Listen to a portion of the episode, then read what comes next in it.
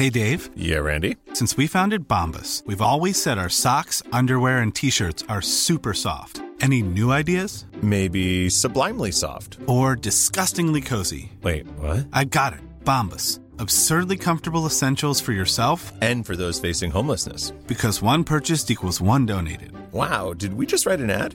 Yes. Bombas. Big comfort for everyone. Go to bombas.com slash ACAST and use code ACAST for 20% off your first purchase. Mother's Day is around the corner. Find the perfect gift for the mom in your life with a stunning piece of jewelry from Blue Nile. From timeless pearls to dazzling gemstones, Blue Nile has something she'll adore. Need it fast? Most items can ship overnight. Plus, enjoy guaranteed free shipping and returns. Don't miss our special Mother's Day deals. Save big on the season's most beautiful trends. For a limited time, get up to 50% off by going to BlueNile.com.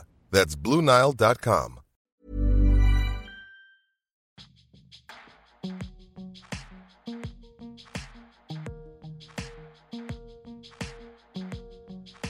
Välkommen till Brottsofferpodden med Joakim Lindén och David Johansson. Ni lyssnar på avsnitt 11, Hedersrelaterade brottet. Och detta är del 2. Men först en liten återblick. Maria flydde till Sverige från Iran 1979. Några år efter det kom hennes exman också till Sverige. Maria hade redan hunnit kommit in i det svenska samhället vid den tidpunkten. Maria fick utstå mycket våld och förtryck från sin man. Och detta gjorde att hon en dag bestämde sig för att lämna honom. Efter år av hot och förföljelse från sin exman som hände det som inte fick ske. Maria fick syra i ansiktet. Och efter en tid så vaknar hon på sjukhuset. Hon ser på sig själv i spegeln och känner inte igen kvinnan hon ser i spegeln. Maria står nu alltså inne vid toaletten på sjukhuset och hennes väninnor är utanför i hennes rum på avdelningen. Och det här, del två, tar vid.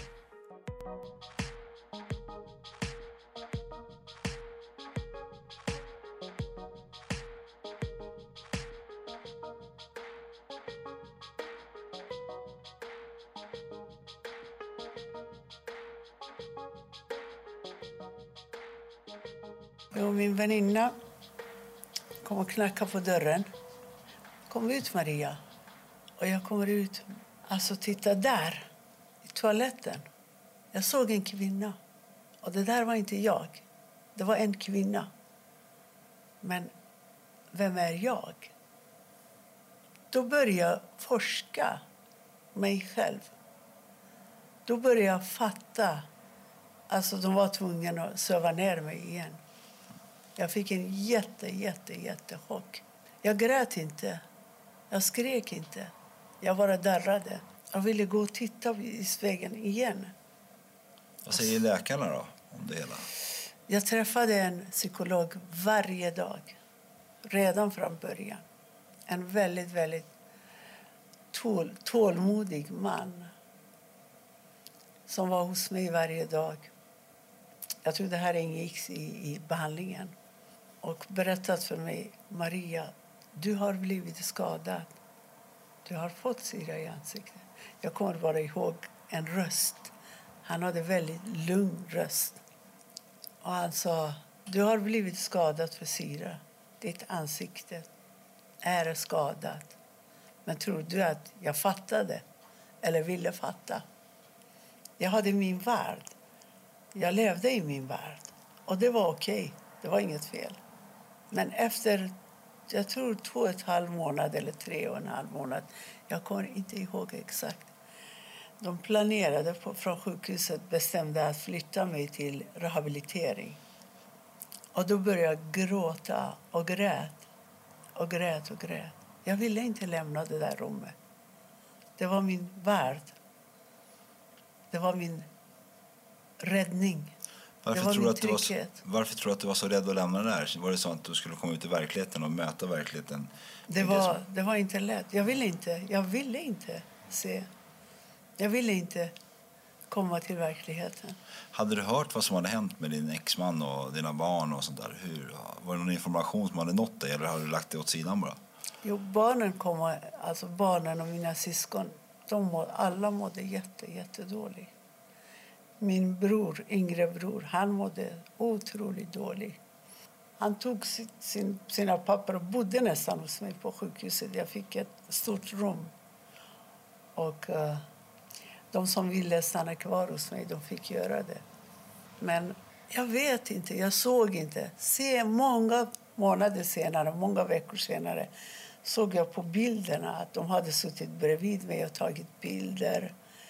Aha, där, så var jag då. Så här såg ut min dotter då.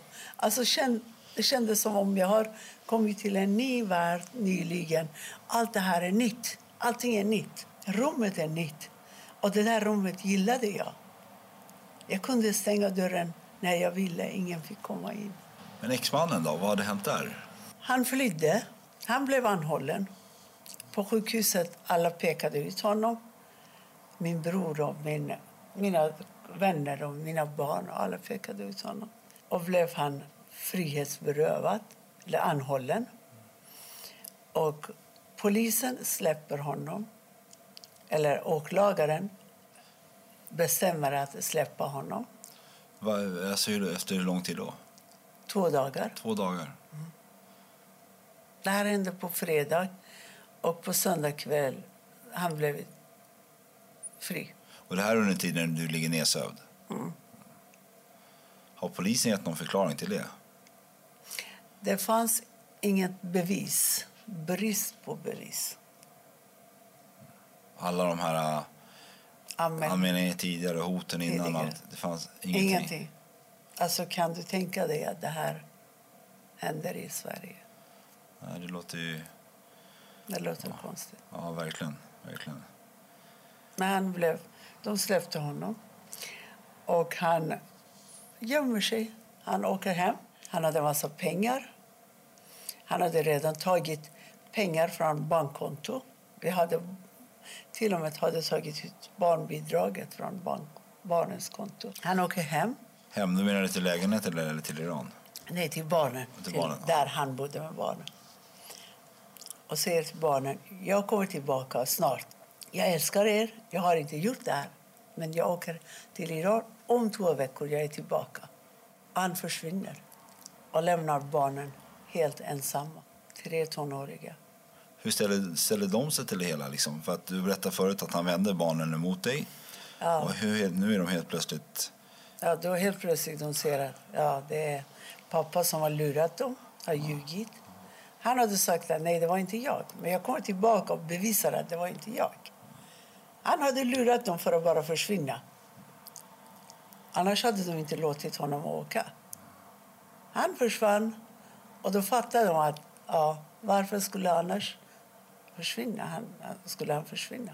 Hur, vad var din första tanke när du fick höra det att han har ja, blivit häktad, fick... släppt och han har dragit från landet? Nej, men jag fick höra de här väldigt mycket senare. Hur, Eller när jag vaknade till livet på riktigt. För hur, hur är det med han idag tror du? Har det hänt någonting där? Vet du någonting? Han, han flydde till Iran och fick bra stöd från regimen. Han fick sitt jobb tillbaka. Började jobba som lärare. Men han försökte flera gånger få tag i mig. Han ringde flera gånger. Jag sa till honom, men om du är skyldig, kom tillbaka. Nej, Sverige är för kvinnor och dina bror har gjort det. Om jag kommer tillbaka jag kommer att hamna i fängelse. Men efter flera år då fick han, han dog av en hjärtattack. Vad var din första tanke när du fick reda på att han hade dött? Jag var jätteglad. Det var det? Mm, mycket glad. Men sorglig att jag fick inte jag fick inte chansen att se honom bli bestraffad. Mm. Eller fick inte chansen åtminstone att titta på honom i ögonen och fråga honom hur, varför. Om vi leker med tanken att det är din exman som sitter framför dig här, där jag sitter. Vi sitter och tittar på varandra just nu. Vad skulle du vilja säga till honom med nu? Hur många år sedan, hur många år sedan senare är det här? Händelsen 21 år. Ja, 21 år. Vad skulle du vilja säga till honom om du leker med tanken att det var han ja. 21 år senare? Då att, jag vet definitivt att jag skulle inte att enligt Irans lag skulle han bli avrättad eller få öga mot öga-lagen. som finns i sharia-lag. Absolut inte.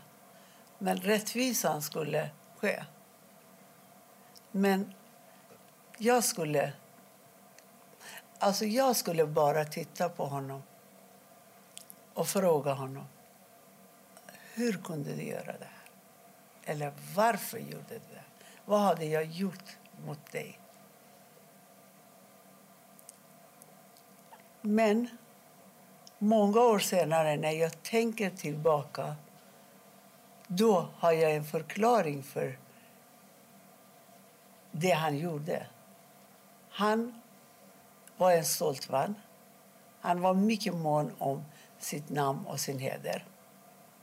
Enligt honom han gjorde den rätta. Han hade inte gjort något fel. Tänk om jag hade inte blivit skadad, om jag var vacker eller en sådär si och så. Och då skulle jag kanske skaffa en ny man. Då var det för honom betyder ännu värre. Då skulle han aldrig klara av. Så det var därför. Det var kanske värt för honom att skada mig, skada sina barn, skada sig själv och försvinna och förlora allting. Och dö sen efteråt.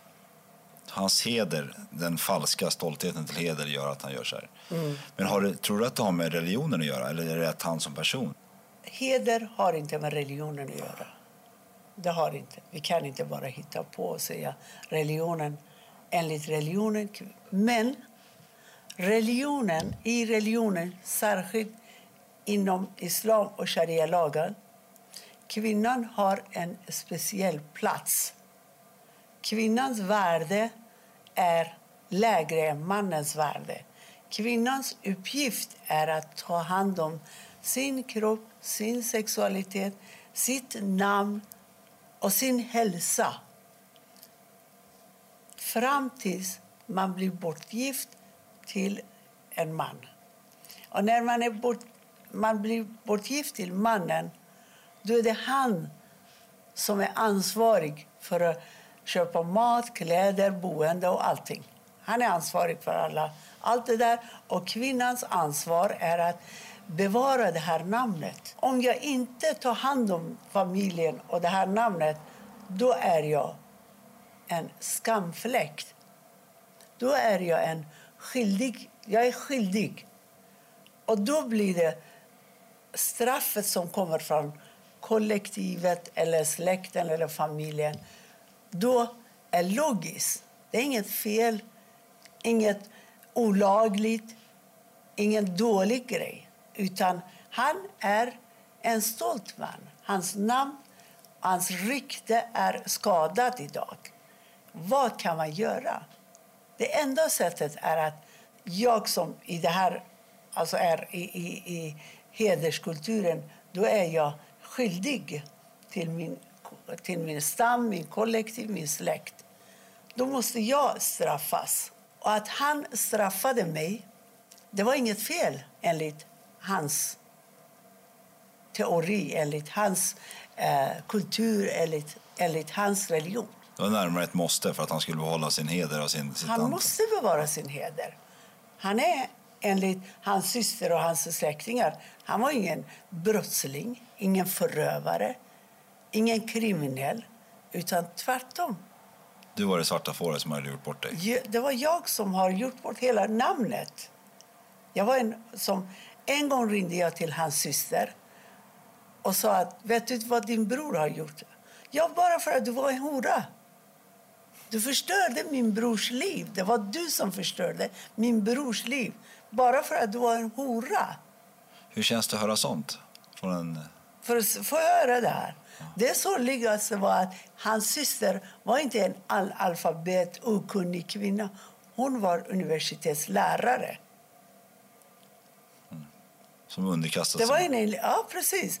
Inte en kvinna från en by som har aldrig gått i skolan. Inte. Men hon anser att du ville skilja dig och allt där omkring. Jag ville skilja mig, ja. jag ville vara fri, jag ville förstöra hans namn. Jag ville alltså leva själv och tänka att jag det här, det här tankesättet kommer att förmedlas till barnen. och även förstöra våra döttrars liv också. Så var, jag menar, det står inte i Koranen eller i sharia, inom sharia-lagar någonting om heder. Men det står vad din plats är. Du måste vara medveten att din uppgift och din plikt är de här, ingenting annat. Men det, så småningom, det här religionen har förvandlats till en, en, en kultur som kommer från en gammal tradition och en gammal religion. Jag vet att hederskulturen, hedersförtrycket, hederskontrollen finns i andra kulturer, i andra religioner också. Ortodoxer här, även här i Sverige, de är mycket måna om sin kultur och sin tradition. Och eh, de har också heders, eh, hedersvåld och hederskultur. Men inom islam och framför allt de här sharia-lagar som jag har läst, och det är därför jag nämner hela tiden. För att jag vet en kvinnans uppgift, plikt och en mans plikt. Så, så är det. Och du måste acceptera, annars det, det, det är logiskt. Det är helt normalt att du ska bli bestraffad. Straffen från kollektivet till individen det händer oftast i, i hederskulturer och i många länder i Mellanöstern. Ja, det är helt hemskt att det, folk blir drabbade på det här sättet. verkligen. Men om vi hoppar tillbaks till, till sjukhuset där och du var på väg att flyttas till, eh, till Tekniska var det va? Tekniska rehabiliteringscenter. rehabiliteringscenter. Hade du gjort några operationer redan då? Ja, de gjorde operationer hela, hela tiden. tiden. Hela tiden. Nu 21 år senare, hur många operationer har du gjort? När det gäller ansiktet syra, syra attacken 99 operationer. 99 operationer. Men jag har gjort över 80-90 laserbehandlingar som är fruktansvärt jobbiga på ansiktet för att återställa, minska ärren och bruna fläckar som kommer på grund av hudtransplantat. När du tittar i spegeln och sånt där, får du, minns du hela tiden händelsen då? Kommer du någonsin komma ifrån den där? Typ, blir du påmind om smärtan och allting? Ja, det här är tyvärr någonting som man kommer aldrig ifrån. Så fort jag öppnar ögonen, så fort jag går till spegeln, då, då är jag igen på samma plats. Man glömmer aldrig. Det här är, alltså, om man förlorar någon, någon käraste i familjen det kan hända att i en, en två månader vecka man glömmer det. Men det här kan jag inte glömma. Det här följer med mig hela tiden. Men när du ligger där på tekniska, så här, när börjar du sakta men säkert börja ta tag i livet igen? För efter det här så har det hänt extremt mycket saker i ditt liv. Har du gjort. Bland annat, vi kommer komma in på det med böcker och ja. sånt Men när började du bestämma dig för att det här hände mig men jag ska inte låta mig bli ägd av det här? Det hände inte när jag låg på sjukhuset eller på rehabiliteringen. Det hände, alltså, jag var besviken, jag var arg och jag mådde jättedåligt. Jag hade ibland feber upp till 40 grader, ibland frös jag till minus 40 grader. Jag var hela tiden upp och ner och jag mådde väldigt, väldigt dåligt. Jag hade nyss vaknat och jag såg, jag visste vad hade hänt med mig i ansiktet. Under den här perioden, jag tänkte inte på att det ska inte hända. Jag var arg och uh, jag hatade allting, allt och annat. Allting. Jag ville att allting ska förstöras. Jag ville att det skulle bli en jordbävning. Allting ska försvinna. Jag ville ta livet av mig själv. Jag ville hoppa från... Och jag bodde både på San, Karolinska bodde jag på fjärde våning på rehabiliteringscenter. Jag bodde också högst upp, jag vet inte vilken våning. Men jag, jag, jag ville hoppa från fönstret och ta livet av mig. Det ville jag faktiskt. Men samtidigt tänkte jag på mina barn hela tiden. Vad har de gjort för fel? Han har lämnat dem ensam. Han har försvunnit. Och ska jag också göra samma sak? Då tänkte jag nej, jag ägnar mitt liv för barnens, för barnens skull. Så jag, från och med nu måste jag bara tänka på barnen. Jag har ingen framtid. Så dina barn gav dig styrkan att fortsätta? Ja. Barnen var anledningen När- att jag levde. Överle- eller jag levde, annars hade jag tagit livet av mig. När fick du börja flytta hem igen då? Flytta hem. Ja. Ja, när det här hände mig, ingen av oss, varken barnen åkte tillbaka, gick tillbaka till sitt hem eller jag till mitt hem. Vi klarade inte av. Och då, med hjälp av mina syskon, jag tror det var mitten av januari någon gång, 98, som jag fick en lägenhet och jag flyttade dit. Mycket. Vi köpte saker och ting och vi lämnade allt vi hade där. Vi bodde en del av grejerna flyttade mina syskon och började på nytt, jag och barnen tillsammans. Hur var det att gå ute och träffa andra människor? Vanliga eller Jag var nästan aldrig ute. Aldrig, bara sjukhus. Jag åkte inte ens färdtjänst. Jag ville inte åka färdtjänst. Av vilken anledning? Jag var rädd. Mycket rädd för människor. Jag ville inte att folk... Alltså, jag bärde en mask i över ett år. Pressa huden och minska ärren. Du skämdes? Jag skämdes. Jag visste att folk kommer att reagera. Och jag var helt krossad. Jag ville inte, jag ville inte gå ut. Jag gick nästan aldrig ut. Jag, jag fick en motionscykel från landstinget. Och jag cyklade på den där cykeln. Och cyklade timmar. Och hade en kudde. jag la en kudde på eh, cykeln och ansiktet, stoppade ansiktet i kudden och skrek och bara skrek och skrek så mycket jag kunde, men ingen hörde mig. Jag bara skrek och cyklade på motionscykeln. Jag vet inte, det hjälpte mig. Det hjälpte alltså, tills jag tappade hela kraften. Ibland grät jag, ibland ville jag hämnas. Jag till och med kontaktade mina anhöriga i Iran. Försökte få tag i honom. Det var omöjligt. Han hade gömt sig. Han åker till Iran. Han gömmer sig i Teheran. Sen gifter sig, skiljer sig, gifter sig. Det kändes som att hans liv hade gått vidare och du var fast där med en Han mask på huvudet.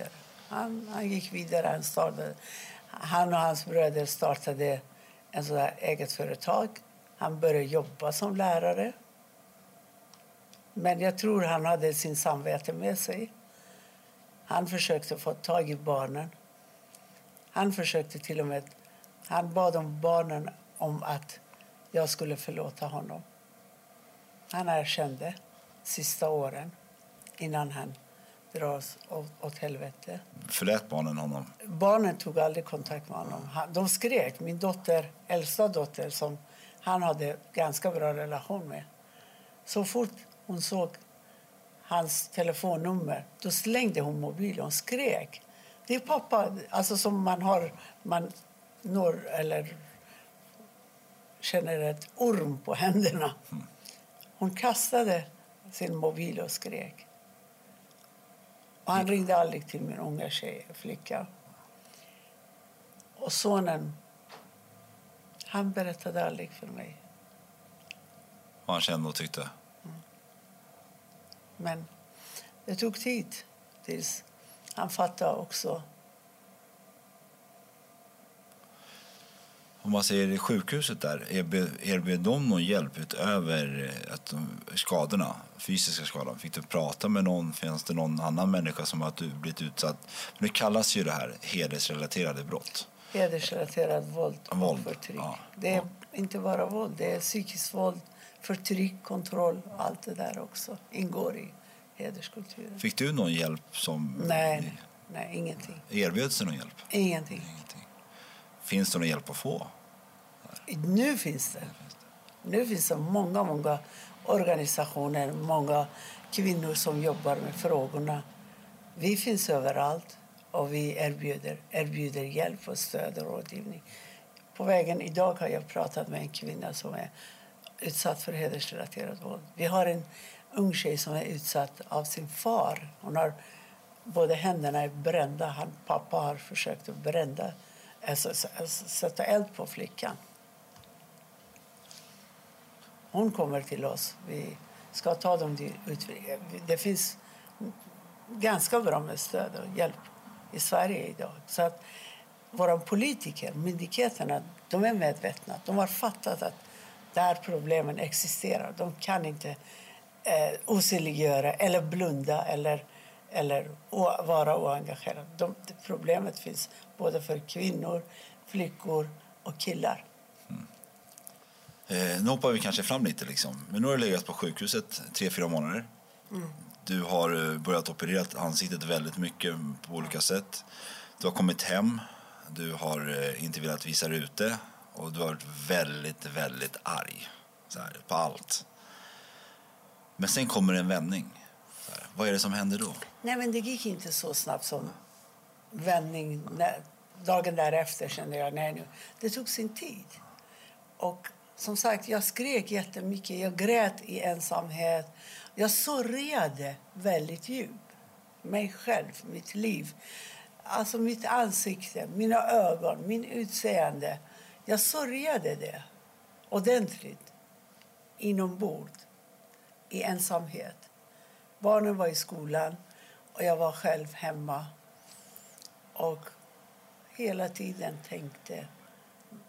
Men så småningom, det här, det här sorgtiden, den här aggressionen eh, alltså success, successivt vände på sig.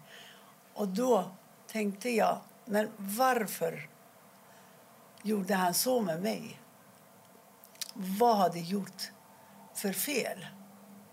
Han slog mig, han kontrollerade mig, han anklagade mig, han kallade mig för det värsta och jag lämnade honom. Vem som helst skulle ha gjort det här.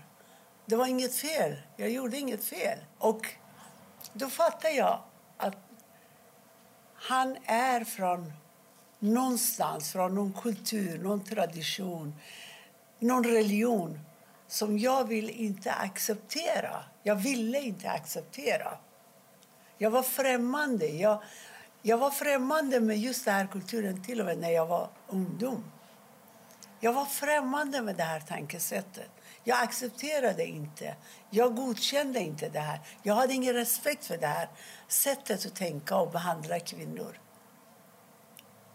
Och därför, så småningom vaknade jag till livet. Då tänkte jag, okej, okay, om jag betalar en miljon och någon mördar honom, kommer allting att bli bra? Mår jag bättre av det här? Kommer jag att lugna ner mig? Jag visste att det skulle inte göra det. Så därför, jag bestämmer, jag tänker Alltså egentligen, det var min bror som uppmuntrade mig. Det var i januari 98. Dagens Nyheter skulle intervjua mig. Jag vägrade. Jag ville inte. Eh, och min bror eh, kom, kom och körde hem mig till sig själv, bjöd mig hem till sig själv. Och han sa till mig, du får inte vara tyst. Det är någonting som har hänt dig och det kan hända hur många kvinnor. Du måste äh, avslöja patriarkatet. Du måste avslöja det denna tankesättet. Det hjälper inte att du gömmer dig från världen. Du ska tvärtom avslöja dem. Det är inte du som har gjort fel. Det är han och de som har gjort det. Och tack vare honom då gick jag med på att bli intervjuad från eh, Dagens Nyheter 98. Jag vet, jag kommer inte ihåg vad jag sa och hur det gick och sånt. Menar du 2008? Nej, 98. 98, okej. Okay, okay. mm. Några månader efter händelsen. Ja. Och det här var allra första lilla steget. Millions of people have lost weight with personalized plans from Noom. Like Evan, who can't stand salads and still lost 50 pounds. Salads generally for most people are the easy button, right? For me, that wasn't an option. I never really was a salad guy. That's just not who I am. But Noom worked for me. Get your personalized plan today at Noom.com. Real Noom user compensated to provide their story. In four weeks, the typical Noom user can expect to lose one to two pounds per week. Individual results may vary. How would you like to look five years younger? In a clinical study, people that had volume added with Juvederm Voluma XC in the cheeks perceived themselves as looking five years younger at six months after treatment. Look younger, feel like you. Add volume for lift and contour in the cheeks with Juvederm Voluma XC. Reverse signs of aging by adding volume to smooth laugh lines with Juvederm Volure XC. For important safety information and to find a licensed specialist, visit juvederm.com. That's J U V E D E R M.com. Not for people with severe allergic reactions, allergies to lidocaine, or the proteins used in Juvederm. Common side effects include injection site redness, swelling, pain, tenderness, firmness, lumps, bumps, bruising, discoloration, or itching. There's a risk of unintentional injection into a blood vessel, which can cause vision abnormalities, blindness, stroke, temporary scabs, or scarring. Talk to a licensed specialist to find out if it's right for you. Till att ifrågasätta allt det där. Och ifrågasätta. Jag var väldigt... Jag hade inte jättemycket kunskap. Jag hade bara min kropp och min, eh, och min det uppfostran som jag hade blivit. Och att jag var offer för någonting som jag, jag, var inte, jag var inte skyldig till. Så därför, det som har utsatt mig, den där ska ifrågasättas, inte jag. Jag ska inte gömma mig. Jag ska gå ut och avslöja det här. Jag ska prata om det. För att göra det, jag måste läsa. Jag måste öka min kunskap. Jag måste lära mig och jag måste prata. Jag ska inte vara rädd. Jag var rädd. Jag var rädd att folk ser mig och jag kände mig skyldig. Vilket faktiskt var, var inte sant. Jag var inte skyldig. Jag hade inte gjort något fel. Och jag, ska, jag behöver inte gömma mig. Och då bestämde jag att, att prata pratade med olika media. Och då deltog jag i eh, konferenser för, för iranier på persiska. Och så småningom bestämde jag att jag måste göra någonting. Och då är det inte bara jag. Nu när jag läser, när jag förstår vad, att jag var utsatt för heder, vad är heder? Jaha, det var det. Det var det där. Jag hade inget namn, jag hade ingen definition för det. Men jag visste vad det var. Jag hade upplevelse.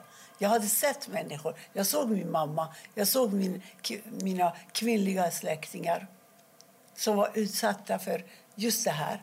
Men jag hade ingen namn, ingen titel för det.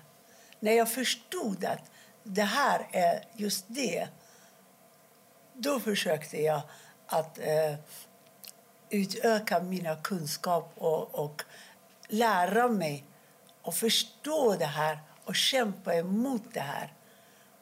Och då, mm, tillsammans, då började jag bli aktiv på en, inom en kvinnoorganisation. Inte Kvinnoskött, en annan kvinnoorganisation. Och jag blev aktiv. De bjöd mig på föreläsningar, eh, konferenser. Jag gick och pratade. Uh, och jag var jag var glad. Jag, det kändes att det någon typ lugnar ner mig och förklarar för folk att det inte bara Maria. Efter Maria kommer ingen annan. Ingen annan kvinna eller tjej eller kille kommer att bli utsatt, utsatt för det här. Det är inte bara jag. Det finns tusentals, miljontals kvinnor.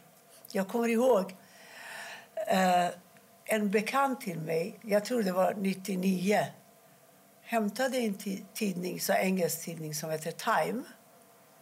Och han sa, kolla Maria, det här finns 17 eller 18 kvinnor i Pakistan. Det var en sån titel. 200 kvinnor blir utsatta för Syriaattack i Pakistan.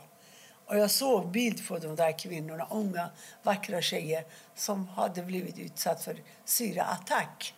För att, ja, det, du vet Pakistan med det där. De har också sharia-lagar och sådär. Bakåt, bakåtsträvande lagar och, och fanatismen är mycket stor där också. Så fattar jag att okej, okay, då är det inte bara Maria. Då finns det hundratals, tusentals och miljontals till och med kvinnor som är utsatta för våld och hedersvåld och kontroll över den lilla kroppen som kallas för heder. Eller flickor, små, små flickor, 5, 6, 4-åriga flickor som blir könsstympade för att kontrollera deras kropp och sexualitet. Små fåglar, små flickor som täcks, täcker deras hår för att skydda dem från manliga eh, patriarkatet. För att kanske en sexårig pojke kan vara en förövare och våldta henne. Alltså det här tankesättet stör mig och gör mig jätte, jättearg. Att hur samhället, hur det här traditionen, hur de här, den här religionen försöker att pressa ner kvinnorna för att kontrollera hela deras existens. Hur de ska leva, hur de ska dö, hur de ska föda barn hur de ska ha relation, hur de ska till och med vara i sängen. Som står inom, inom sharia-lagen, hur du ska vara i sängen med din man. Vad har du för plikt? Det står sådana grejer i... i det står, den heter taklif. Och när jag tar upp det här och jämför det här med nya eh, 2018 nya eh, samtyckeslagen. Det är komedi, det är skoj för oss när vi pratar om eh, samtyckeslagen. Jaha, vad då? Din plikt är att tillfredsställa din man. Han får enligt Khomeini, även när du sitter på en eh, kamel, då har han rätt att, att komma och våldta dig. Du är hans. Du är till för att han ska bli nöjd eller med sin sexualitet. Du har inga viljor, du har inga, mm, inget val. Och vi pratar om samtyckeslagen. Så det är därför jag, för, jag, jag försöker att förklara det här. Att när vi pratar om samtyckeslagen då måste vi fundera i förorter. Vad vet kvinnorna där om samtyckeslagen? Vad fattar de om samtyckeslagen? Försök att förklara för dem. Inte bara för etniska svenskar som de också blir utsatta för våld och våldtäkt och sånt. Men det är lättare för vissa svenska kvinnor att förstå än för en kvinna från någon förort som har lärt sig att din kropp ska vara täckt. När din man vill, då får du visa din kropp. Då får han våldta dig. Du har inget val. Nej, idag kan jag inte, vill jag inte. Det går inte, det finns inte sånt. Så därför tänkte jag, jag måste avslöja det här patriarkat, patriarkala systemet och religionen. Så jag har upplevt det här. Jag har upplevt tvångslöjan. Jag har upplevt det här våld, våldtäkten. Jag har upplevt det här eh, hedersvåldet. Så därför ingen kan säga nej, du kan inte eller eh, du överdriver. Nej, jag överdriver inte. Jag pratar om en en mycket sorglig verklighet som vårt samhälle, våra politiker står stilla och trampar på samma sak och vill inte höra oss. När du åker runt och föreläser och pratar om det här, får du många typ arga killar med på dig? Får du många mejl och hot? Nej, inte mycket. Inte. Nej, nej. Jag, jag får då och då jag får kritik och jag får ja, du överdriver därför att Iran är så, du tror att alla muslimska länder är så. Därför att i Iran är tvångslöja, du tror att alla muslimer tvingar sina... De har sådär med, kommer med sådana förklaringar, men jag brukar alltid ha en demokratiskt eh, samtal och förklara för dem. Och, och eh, hänvisa dem vad står i Koranen, vad står i sharia-lagen. Jag säger inte Iran. Det finns samma sak i, i Saudiarabien. Det finns i Afghanistan också. Det är inte bara Iran. Det finns i Jemen. Kanske de i Jemen är inte lika, lika sträng som Afghanistan eller som eh, Saudiarabien. Det finns olika grader, men alla har ett mål. Kvinnans underordnad. Jag tänkte om vi ska gå tillbaka lite till dig där och eh, din händelse. Så när jag pratade med dig i telefonen så tyckte jag var en sak som var väldigt fascinerande och mycket kring det här varför jag ville ha och driva den här podden. Mm. Vi kom in på den offerrollen och du sa att det var väldigt viktigt att du inte ville hamna i någon offerroll. Kan du berätta lite mer kring det? Jag tycker det är jätteintressant. Jo, jag har blivit offer för någonting som jag var helt oskyldig i det. Jag tycker att jag var oskyldig. Det var inte rättvist att han gjorde så här mot mig. Och jag blev offer till det här. Jag var offer en lång period, några år. Jag var jättesjuk och mådde jättedåligt både psykiskt och fysiskt. Men det som var viktigt för mig att jag vill inte leva resten av livet som ett offer. Jag vill ta avstånd av det här. Jag tycker att patriarkala systemet är skyldig mig. Både här i Sverige och hela världen. Jag tycker att vi kvinnor blir utsatta för saker och ting som vi har ingen roll i den. Vi kan inte styra den. Vi blir offer för saker som vi har inte rånat en bank, vi har inte slagit någon, vi har inte eh, kört på någon omedveten eller omedveten. Vi har inte misshandlat våran var. Vi har gett kärlek. Vi har krävt bara respekt för vår integritet. Och det här tas ifrån oss. Har tagits ifrån oss i tusentals år. Och det här, den, alltså jag försöker och visa att jag var offer för någonting som som sagt, jag var inte skyldig till. Men jag vill inte stanna i den här offerrollen. Jag tog flera steg och, och lämnade det här skalet, offerrollen. Jag lämnade den och kom, försökte att ta avstånd från det och använda den här värsta händelsen i mitt liv för att nytta av den för de andra, för andra kvinnor andra flickor.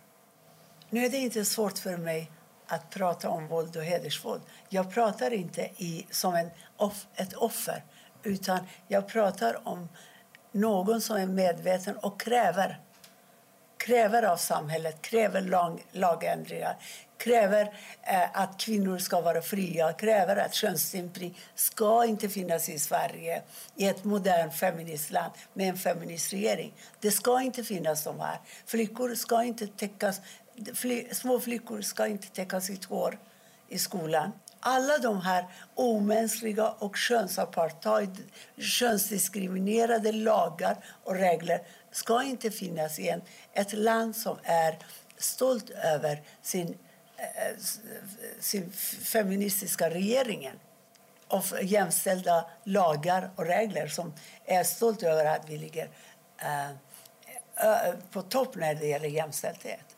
Känner du att det har blivit någon förändring? Att du börjar folk lyssna på dig? För du berättade tidigt där under intervjun att socialen bara struntade i det, polisen bara struntade i det. Mm. Men känner du nu efter Ja, polisen lyssnar, tack och lov. Polisen har eh, lärt sig väldigt, väldigt mycket. De har mycket föreläsningar, kurser och utbildningar eh, om hedersrelaterat våld och förtryck. Skolor, kvinnojourer bjuder mig väldigt mycket. Jag är oftast åker runt i Sverige och föreläser om hedersrelaterat våld och förtryck. Och det betyder att de vill lära sig. Jag förstår att det här är ett nytt fenomen i Sverige sedan 20 år tillbaka. Det är väldigt kort tid. Men det som alltså, gör mig väldigt sårad och besviken det är våra politiker. Det svenska samhället, jag är alltid välkommen eh, när jag ska föreläsa i svenska samhället. Men när det gäller politiker, de är tröga. Eller de gör det här medveten. Medveten, jag kan inte säga omedveten.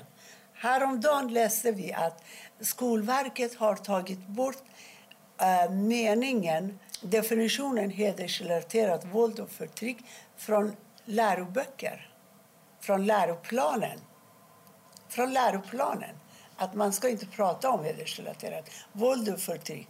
Och förklaringen är att det kommer att sätta grupper mot varandra. Det blir problem mellan olika grupper. Lite som Tysta ner det, eller? De vill inte belysa det. Det är exakt så. Och, när, ja, och det, det är det som sviker mig. Och, och skolminister eller eh, Skolinspektionen de håller tyst också. De säger ingenting. Alltså om det här inte finns i läroplanen, hur ska en lärare fatta att när pojken 16-årig kommer och hämtar sin syster och lämnar sin syster och kontrollerar hennes kläder i skolan inför ögonen på lärarna. Vad är motivationen för det här? Hur kan ni förklara det här? Vad betyder det? 14-årig kommer att kontrollera sin syster i, till och med på universitet. Vad är motivationen för det här?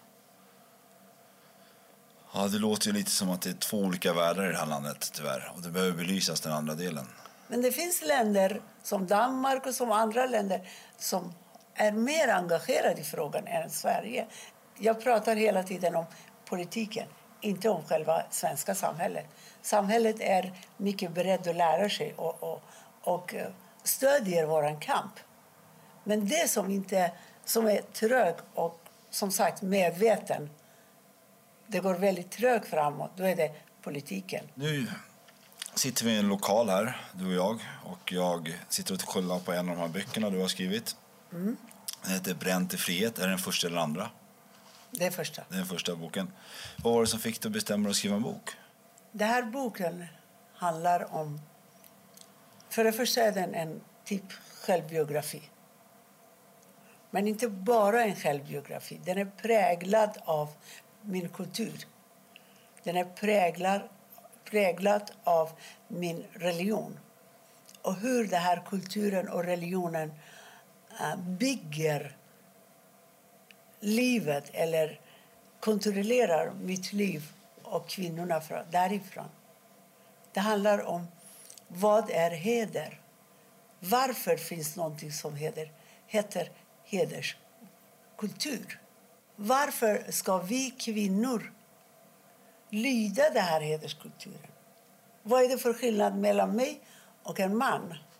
Och det är det som inspirerade mig, eller hela mitt liv Eh, var en anledning att jag skriver en bok.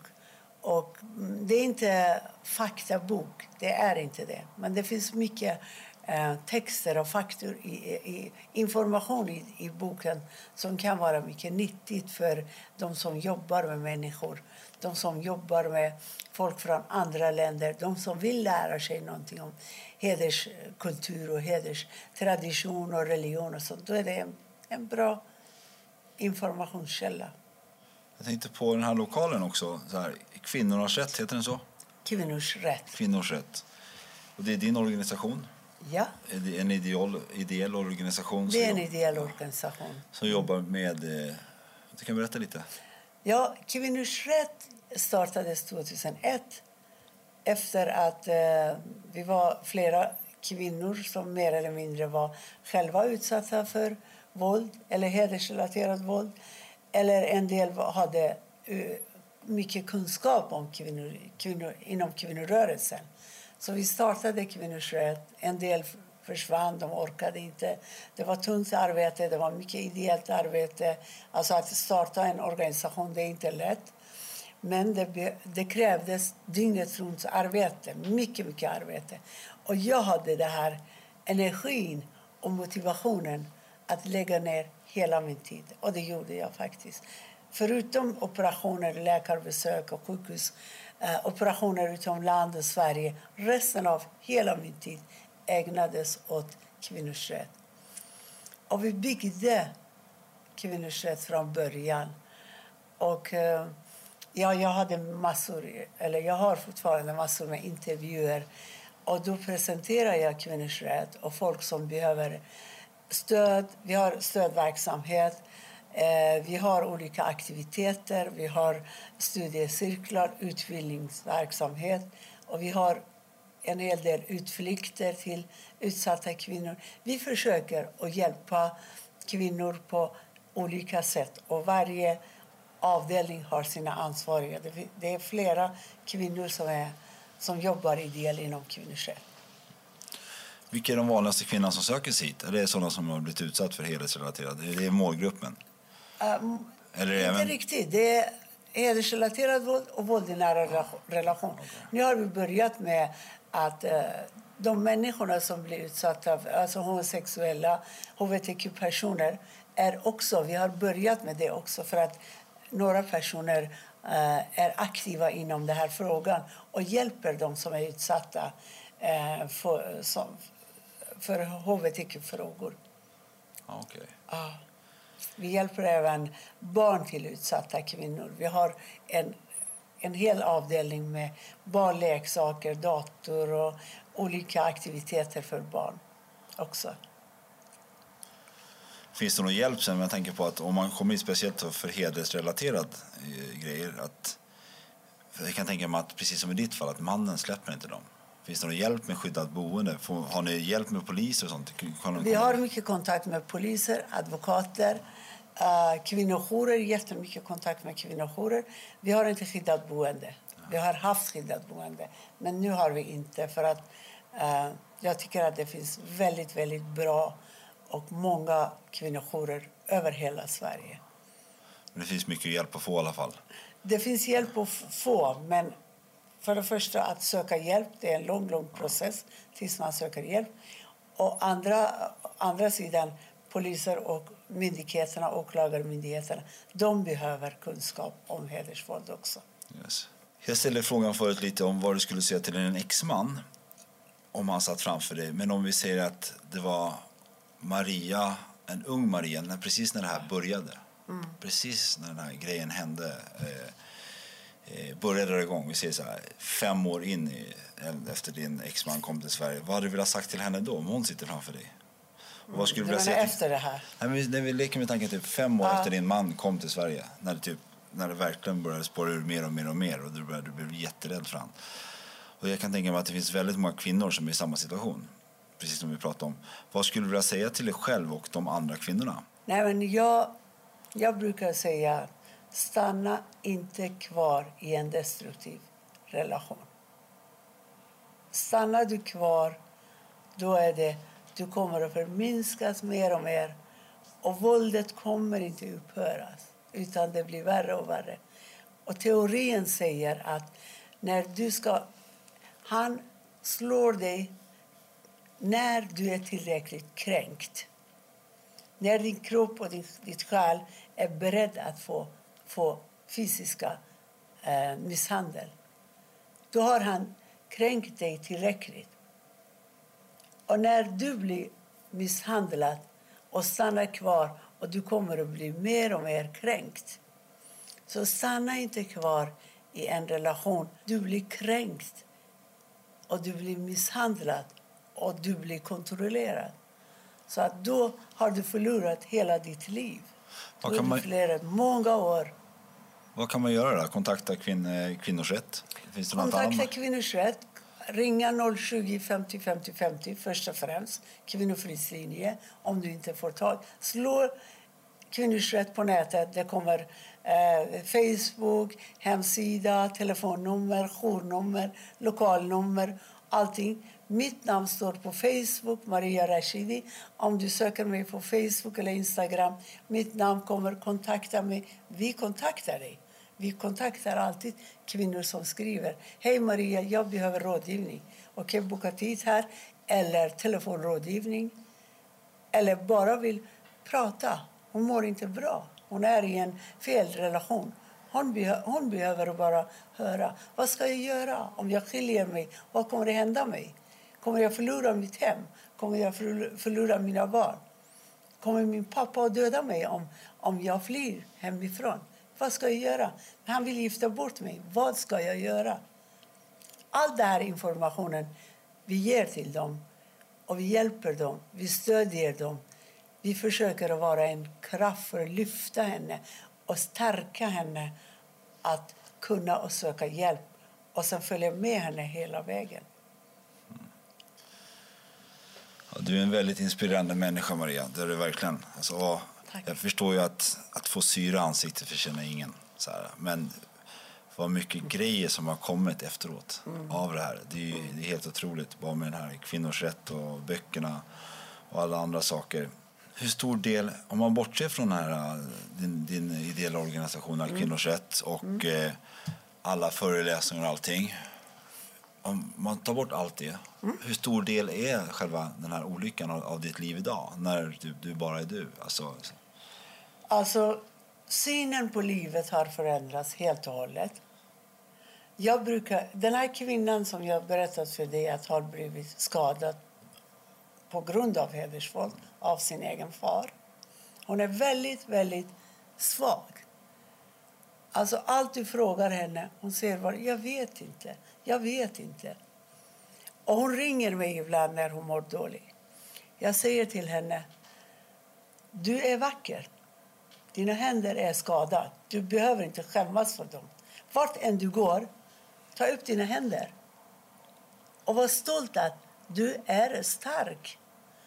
Även om du vore mycket vacker och inte skadad hade du varit dålig, självförtroende, självrespekt, då var du inte lycklig. Jag är lycklig. Jag säger, hon, hon skrev till och med idag till mig att jag är mycket lycklig att ha kontakt med dig. Hon skrev till mig på, på eh, Instagram, eh, förlåt, på Whatsapp. Hon kontaktade mig via Whatsapp.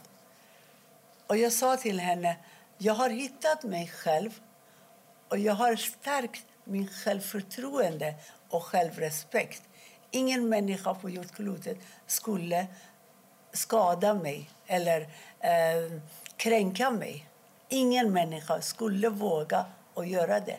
För att då, när jag stärker det här, då förstår andra människor också. Det här har jag väldigt, alltså jag garanterar att så är det, säger jag till henne. Att när du respekterar dig själv de andra respekterar dig automatiskt. När du alltid jag vet inte, jag kan inte, jag förstår inte, då folk ser det ner på dig. Och det är det som tycker jag att har hjälpt mig att gå vidare med livet och att vara, alltså enligt min kultur, som, eller Iran och regimen och allt det där, att kunna sitta och prata med en till och med en, en, en guvernör i någon, någon landskap i Iran. Då var det en jättestor grej. Men idag jag sitter framför statsminister och vilken minister som helst. Jag vet vad jag säger. Jag blir inte eh, påverkad eller inspirerad av deras makt. För att jag vet att jag har min makt över mig själv så att, och jag vet vad jag vill prata om. Jag har, det, kanske, det, det är inte egoism. Det, jag, jag berättar det här för att när vi blir kränkta då tar de ifrån oss vår självrespekt och självförtroende. Och det är det som är en jätte, mycket värre än att du blir skadad i kroppen.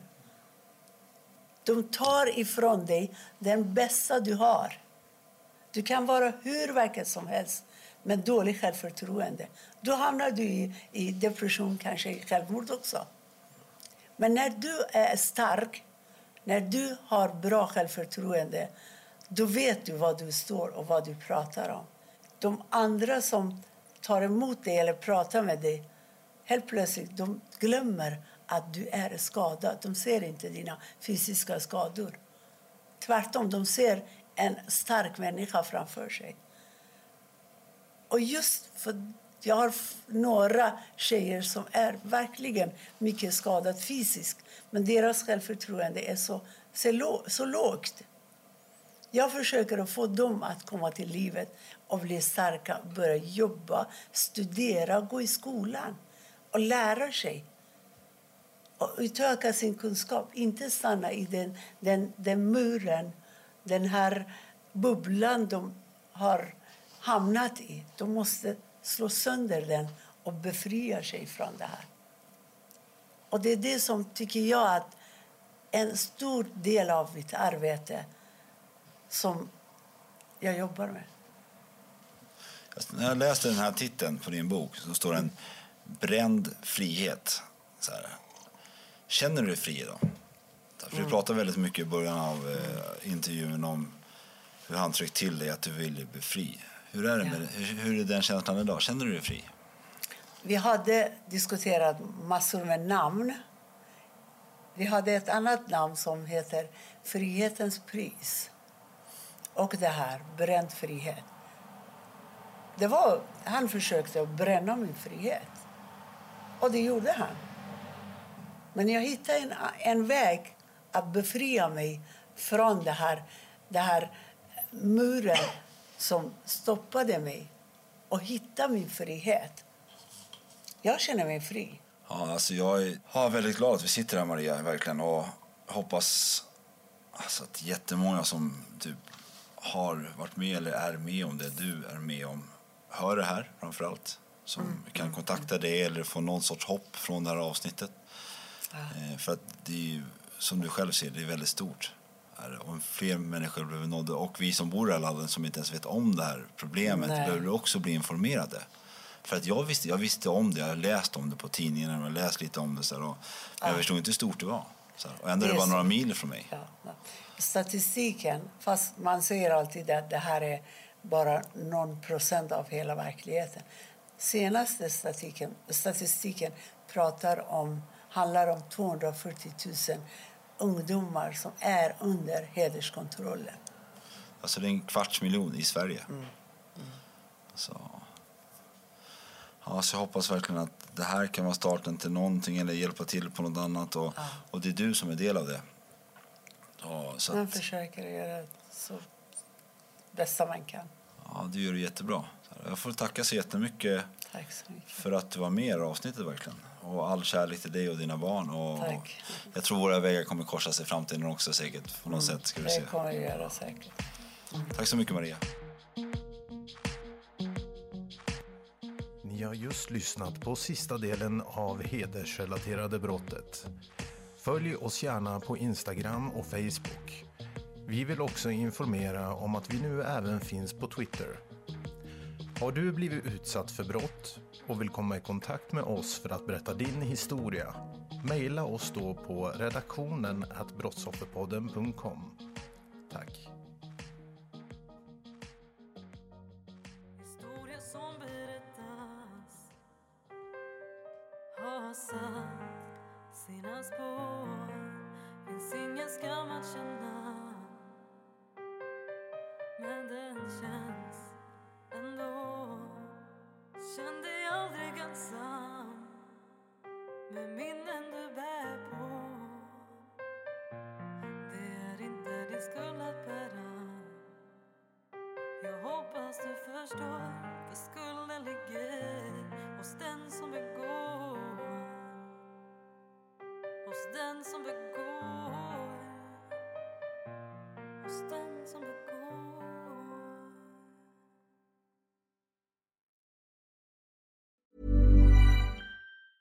A lot can happen in the next three years. Like a chatbot may be your new best friend.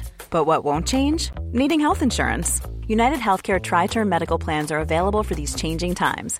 Underwritten by Golden Rule Insurance Company, they offer budget friendly, flexible coverage for people who are in between jobs or missed open enrollment. The plans last nearly three years in some states, with access to a nationwide network of doctors and hospitals. So, for whatever tomorrow brings, United Healthcare Tri Term Medical Plans may be for you. Learn more at uh1.com. Planning for your next trip? Elevate your travel style with Quince. Quince has all the jet setting essentials you'll want for your next getaway, like European linen, premium luggage options, buttery soft Italian leather bags, and so much more. And is all priced at 50 to 80% less than similar brands. Plus, Quince only works with factories that use safe and ethical manufacturing practices. Pack your bags with high-quality essentials you'll be wearing for vacations to come with Quince. Go to quince.com slash pack for free shipping and 365-day returns.